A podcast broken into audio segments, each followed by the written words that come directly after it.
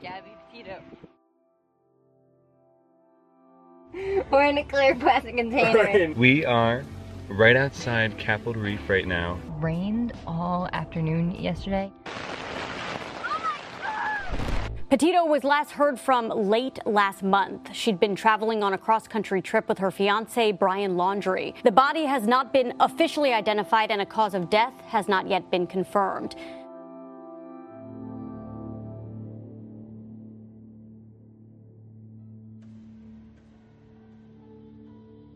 Najgłośniejsza sprawa 2021 roku. Brian i Gabi Petito wybrali się w podróż dookoła Stanów Zjednoczonych.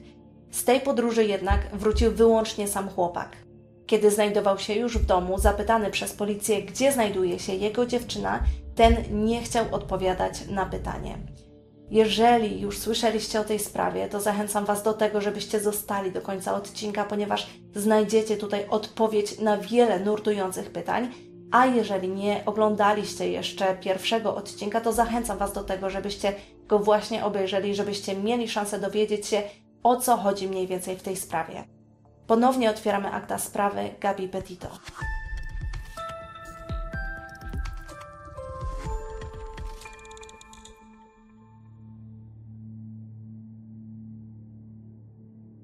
Dwudziestodwuletnia Gabi i 23-letni Brian to para, która poznała się w szkole i w ostatnim czasie planowali wspólną przyszłość. Ich znajomi wspominają, że czasami między tą dwójką układało się świetnie, po to, żeby innym razem dochodziło do kłótni o błahostki. Więc pod względem emocjonalnym oboje byli niezbyt wyważeni. Ich znajomi mówią, że już kilka razy ze sobą zrywali. Para mieszkała na Florydzie od momentu, kiedy Gabi po maturze zrezygnowała ze studiów i właśnie tam się przeniosła, ponieważ dziewczyna urodziła się w Nowym Jorku. Jak na Stany Zjednoczone nie jest to bardzo daleko, ale gdyby ktoś chciał wybrać się autem z jednego z tych miejsc do drugiego, zajęłoby to około 19 godzin. Brian i Gabi pracowali po to, żeby uzbierać pieniądze na wana, którym mogliby przemierzyć Stany Zjednoczone. Najbliższa przyjaciółka Gabi, Rose Davis, Powiedziała, że Brian kiedyś ukradł dowód osobisty swojej dziewczyny tylko po to, żeby ona została w domu, ponieważ umówiła się z Rose, a on był zwyczajnie o nią zazdrosny. Wspomina się o problemach psychicznych Gabi, ale często pomija się fakt, że Brian również miał problemy na tle psychicznym. Brian mawiał, że przed zaśnięciem słyszał różne niepokojące dźwięki. Inną zastanawiającą historią, o której opowiedziała przyjaciółka Gabi, to to, że kiedyś Petito miała aplikację, która była połączona z tą, którą miała Rose.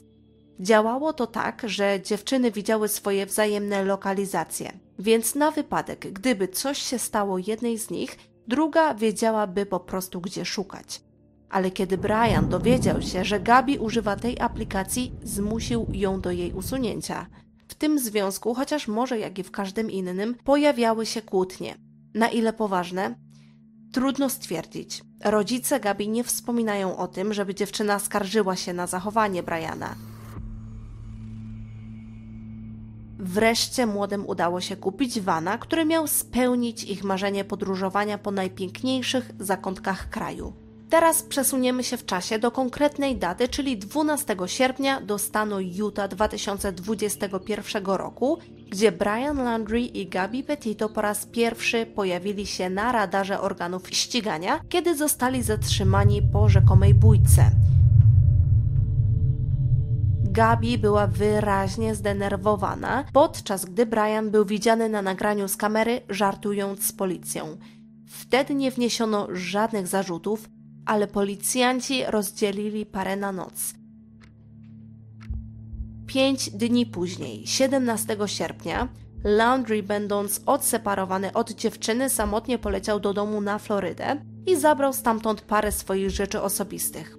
23 sierpnia, parę dni później, dotarł do Salt Lake City, aby ponownie połączyć się z Gabi.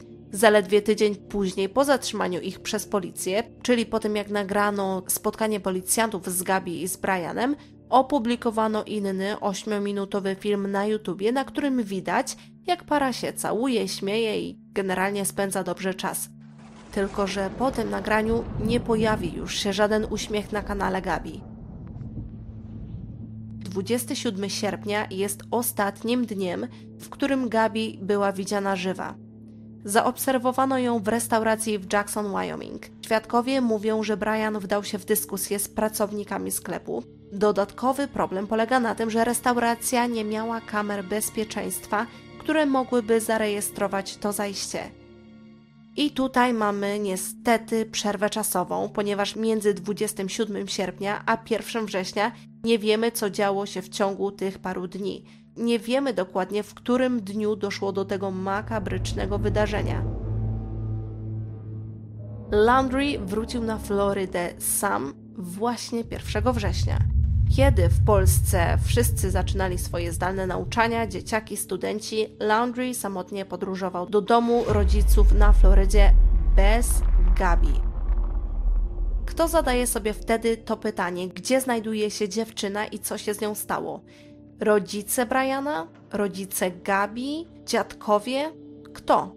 Co było pierwszą rzeczą, którą powiedział Brian do swoich rodziców po powrocie? Czy był zestresowany i opowiedział im, co się wtedy wydarzyło, czy może też udawał, że wszystko było w porządku? Może po prostu powiedział, że Gabi jest w swoim domu. Kiedy pomyślimy o tym fakcie samotnego powrotu chłopaka do domu, nasuwa się myśl, że zabójstwo dziewczyny nie wyglądało na zaplanowaną akcję. Dlaczego? Gdyby Brian myślał wcześniej o zabójstwie, przekalkulowałby swoje działania i na pewno doszedłby do wniosku, że samotny powrót bez dziewczyny wzbudzi znacznie więcej podejrzeń, niżeli wróciłby bez auta. Bo wyobraźmy sobie taką sytuację. Brian wraca bez dziewczyny. Rodzice pytają, jak było, gdzie jest Gabi. Co odpowie Brian? Czy będzie miał na tyle siły wewnętrznej, żeby skłamać, i jak długo będzie mógł kłamać?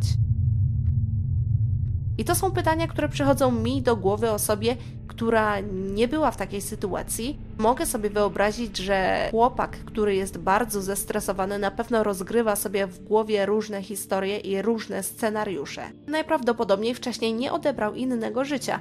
Miał zaledwie 23 lata. Myślę, że to całkiem prawdopodobne, że sprzeda taką historię swoim rodzicom, która wytłumaczy, co się stało w jak najmniej obarczający siebie sposób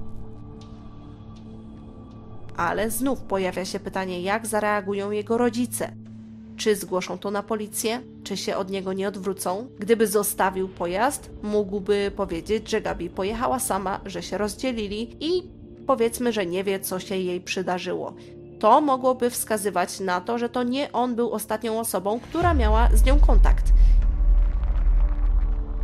Inną ciekawą kwestią, która została poruszona w wywiadzie z byłą prokuratorką Nancy Grace, to to, że według niej nie było to planowane działanie, za czym przemawia sposób zabójstwa, czyli uduszenie. Taka metoda odebrania życia bezpośrednio wskazuje, że w śmierć zamieszana była osoba z zewnątrz. Jest to oczywiste, że zrobiła to druga osoba. Oczywistym jest, że na myśl od razu przychodzi Brian, chłopak Gabi. Gdyby chciał tą śmierć zaplanować, wybrałby pewnie coś, co mniej przywodzi na myśl jego samego.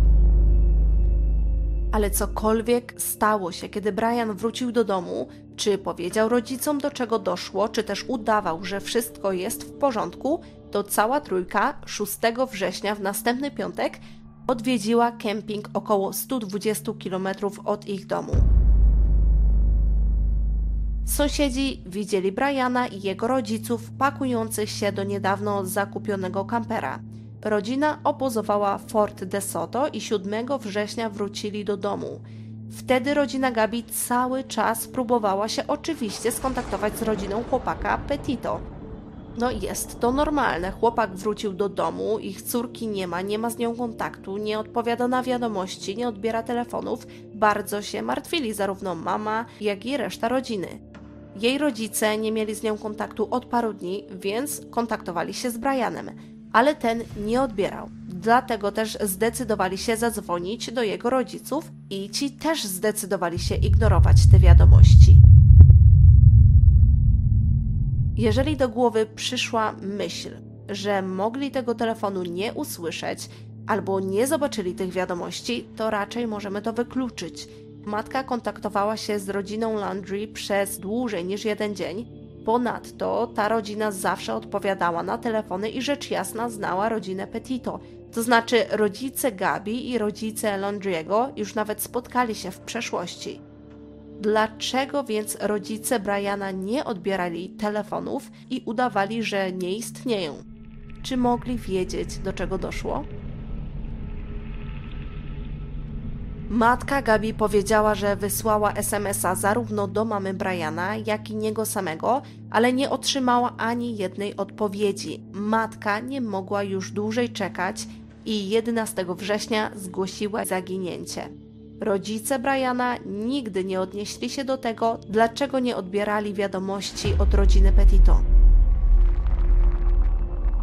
Były agent FBI, Andre McKay, powiedział, że państwo Landry zachowywali się bardzo dziwnie, co od początku wzbudzało jego podejrzenia. Twierdził, że kiedy udał się do ich domu jeszcze tego samego dnia, kiedy zgłoszono zaginięcie Gabi, Brian powiedział, że nic nie powie i wręczył wydrukowane oświadczenie od swojego prawnika, że nie będzie odpowiadał na pytania. Agent oczywiście udał się do rodziny Landry, ponieważ Brian był najprawdopodobniej ostatnim, który ją widział i wątpię, żeby od samego początku już coś podejrzewał. Przecież w tamtej chwili nikt nie wiedział jeszcze o tym, jaki los spotkał Gabi. Ale na pewno po tym, jak Brian wręczył ten dokument, to skierował na siebie uwagę i wzbudził podejrzenia.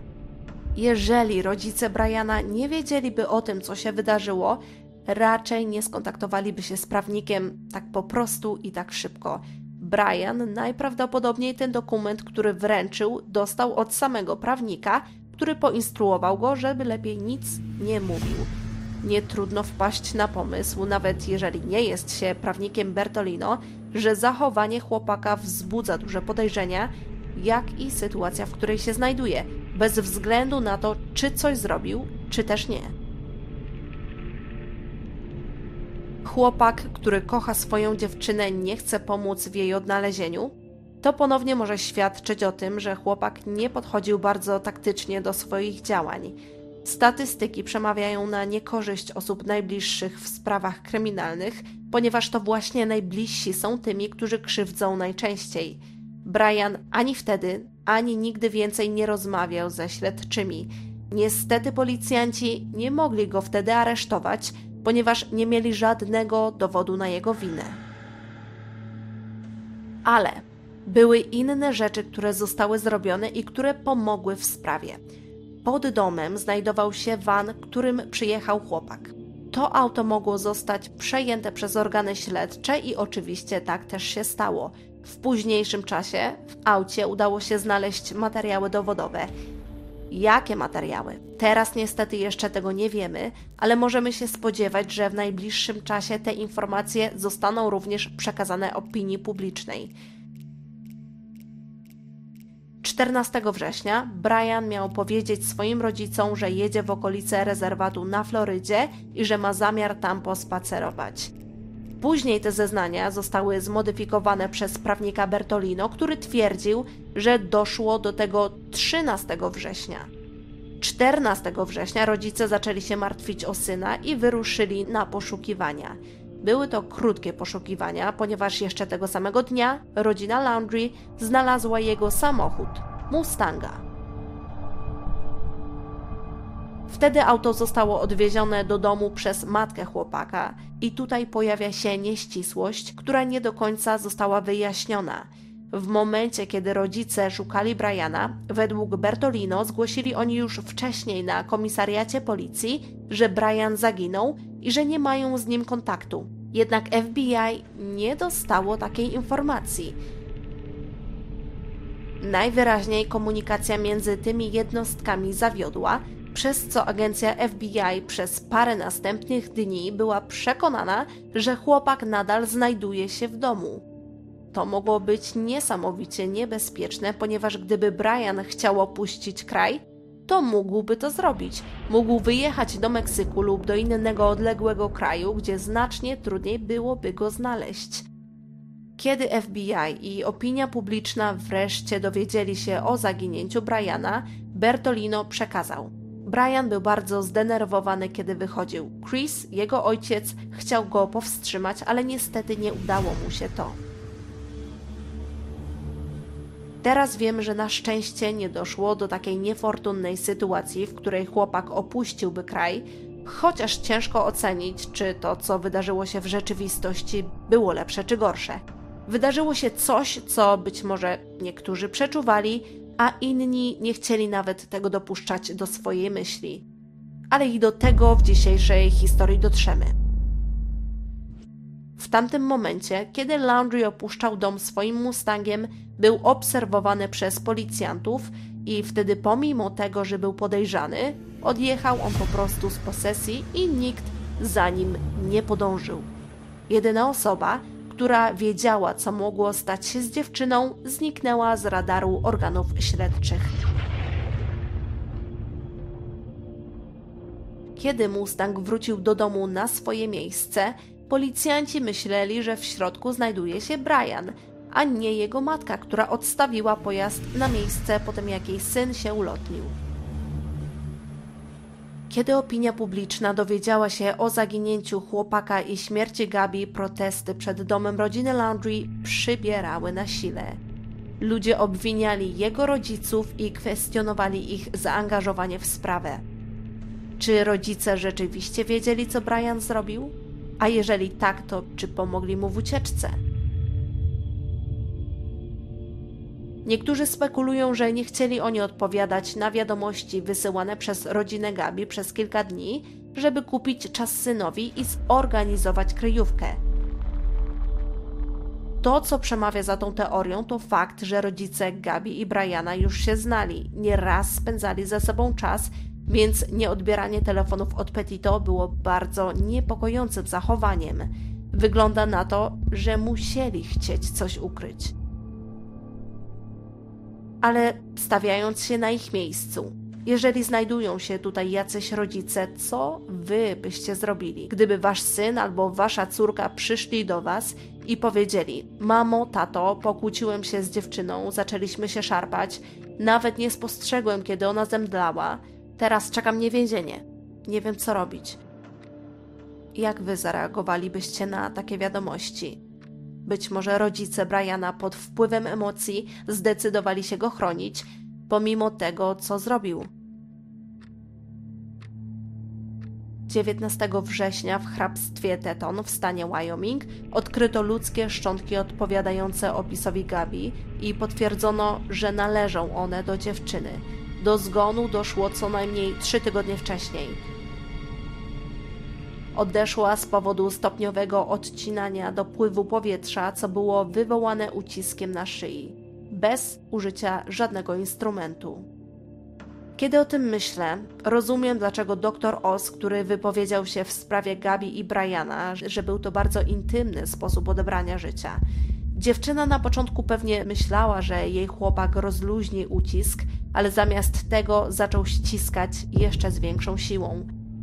A jak widzieliście, Gabi była wątłą dziewczyną. Brian był znacznie silniejszy, nie miała więc ona szansy się bronić. Chłopak, uciskając jej szyję, obserwował oko w oko, jak z dziewczyny uchodzi życie. Pamiętacie, jak wspominałam wam o tym, że zarówno Gabi, jak i Landry mieli problemy na tle emocjonalnym? Komunikacja między tą dwójką była słaba, do kłótni i przemocy fizycznej dochodziło już wcześniej, ale czy Gabi komuś o tym powiedziała?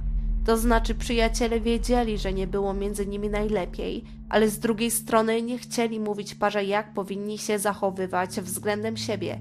Ale wygląda na to, że przed rodzicami dziewczyna ukrywała, jak wyglądał jej związek i życie na Florydzie.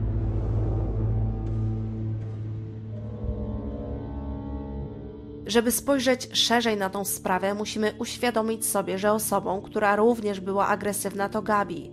Również ona drapała i biła chłopaka. To napięcie między dwójką musiało być bardzo silne, a jego rozładowanie wymagałoby umiejętności zarządzania swoimi emocjami. Tego być może zabrakło.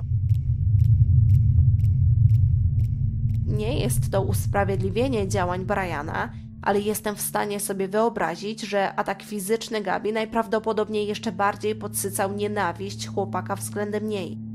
I odzwierciedlenie tej nienawiści widoczne jest właśnie w sposobie dokonania zbrodni.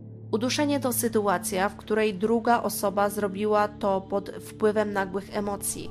Jest to sytuacja, w której bardzo łatwo zidentyfikować, że odpowiedzialną za śmierć jest osoba z zewnątrz. Gdyby Brian chociaż przez chwilę pomyślał o odebraniu jej życia wcześniej, nie wybrałby świadomie takiego sposobu zabójstwa. Wybuch emocji był tak silny, że mógł doprowadzić do chęci odebrania życia dziewczyny.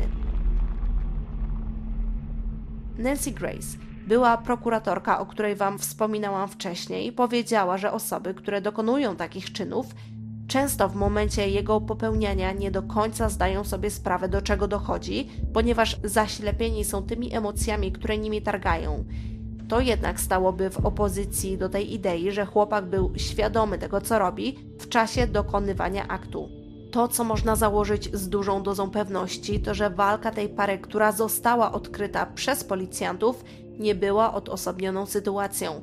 Najprawdopodobniej takie rzeczy wydarzały się już wcześniej. Kiedy Brian wracał do domu na Florydę po rozstaniu z Petito w lesie, słuchał melancholijnych utworów. Potwierdziła to jego playlista Spotify, ale jest to już raczej taka ciekawostka, która w zasadzie nie wskazuje na nic, chociaż pojawiają się głosy, które twierdzą, że wskazuje to na to, że chłopakiem targały emocje i poczucie winy. 22 września został wydany federalny nakaz aresztowania Briana za oszustwo związane z użyciem karty debetowej jego dziewczyny. Wreszcie znaleziono powód, dla którego można było schwytać chłopaka, który jednak zdążył już uciec. Dlatego rozpoczęto szeroko zakrojone poszukiwania. Przeznaczono na nie miliony dolarów i tak naprawdę cały świat, media i internet zaangażowany był w pościg. Autopsja Gabi, chociaż została już przeprowadzona i wskazała na śmierć przez uduszenie, to jednak nadal planuje się wykonanie skanu 3D, który miałby wskazać więcej szczegółowych informacji. Ciało dziewczyny zostało znalezione około 5 minut marszu od miejsca, w którym zaparkowano wana, który widziany był na filmie zrobionym przez innych youtuberów. Derek Levasson, były sierżant policji, zasugerował, że mogło być tak, że do uduszenia doszło w furgonetce i ciało zostało przetransportowane w to odległe miejsce, czyli do lasu, gdzie odnaleziono je w stanie zaawansowanego rozkładu. Kiedy znaleziono ciało dziewczyny, protesty bardzo się nasiliły. Ludzie dobijali się do drzwi rodziny Landry.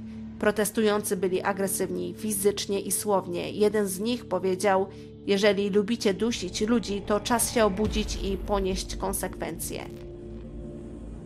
To zdecydowanie przerażające, że ludzie kryją pod płaszczem obrony praw dziewczyny swoje niewyrażone agresje. Rodzice niedługo później przyznali, że chłopak mówił, że chce sobie coś zrobić. Jego ojciec, Chris, chciał zatrzymać syna w domu, jednak ten i tak wyszedł, prawdopodobnie z zamiarem ucieczki lub popełnienia samobójstwa. 7 października siostra Briana Cassie wypowiedziała się przeciwko swoim rodzicom i namawiała brata, żeby ten się oddał w ręce policji. W tym czasie ojciec dziewczyny i Briana, Christopher, nadal szukał syna. Przez 30 dni park, w którym szukano Briana, był zamknięty. Dopiero 20 października 2021 roku FBI odnalazło plecak, notatnik i wodoodporną torbę. Szczątki Briana znaleziono pod wodą na uboczu, z dala od turystycznych szlaków. Bertolino powiedział, że rodzice wiedzieli, że ich syn często tam jeździł ale jeżeli tak właśnie było, to dlaczego nie powiedzieli tego wcześniej? Rzeczy Briana znaleziono we wskazanym miejscu przez jego rodziców. Chociaż wskazali oni miejsce, w którym mógł znajdować się ich syn, faktem jest, że nadal nie chcą rozmawiać o tym, co się wydarzyło. Jednak nie jest to przestępstwo. Małżeństwo ma do tego prawo. Miejsce, w którym znaleziono części ciała, było w 75% pod wodą z powodu deszczowej pory.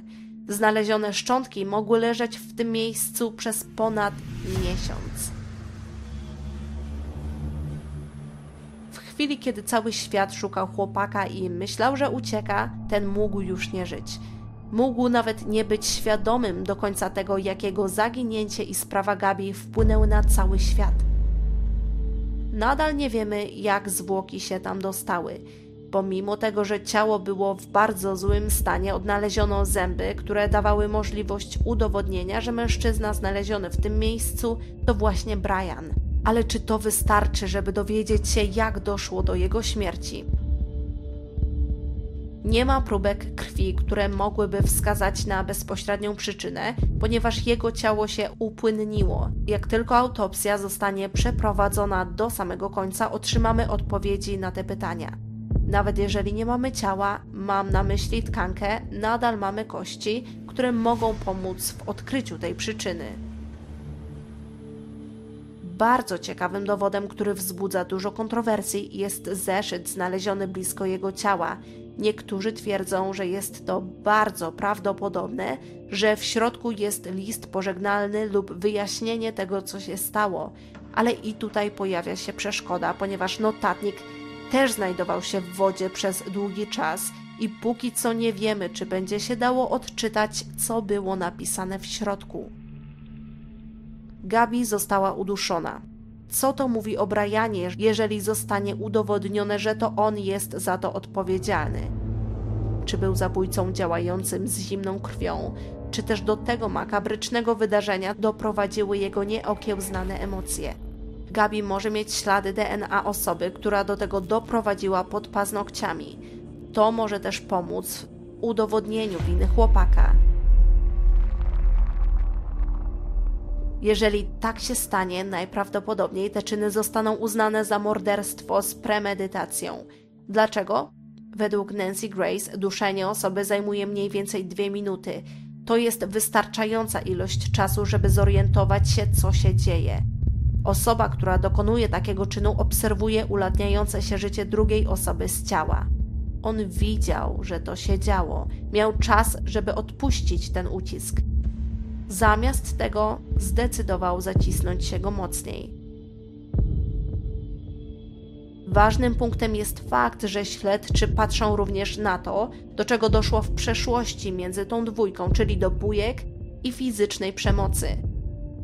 Wiemy, że Brian bił Gabi. Podczas ostatniej zarejestrowanej sytuacji tego typu Gabi drapała chłopaka i być może tak samo było w momencie ich ostatniej możliwej konfrontacji. A co wy sądzicie na temat tej sprawy? Czy uda się przeczytać to, co znajduje się w notatniku Briana? Czy jego rodzice byli zaangażowani w jego ucieczkę? Mam nadzieję, że odpowiedź na te pytania uda się uzyskać jak najszybciej. Jeżeli spodobała Wam się ta historia, to zachęcam Was do obejrzenia kolejnego odcinku na moim kanale lub polajkowania tego odcinka, albo nawet lepiej zasubskrybowania. Do zobaczenia w następnym. Ciao! Beijos!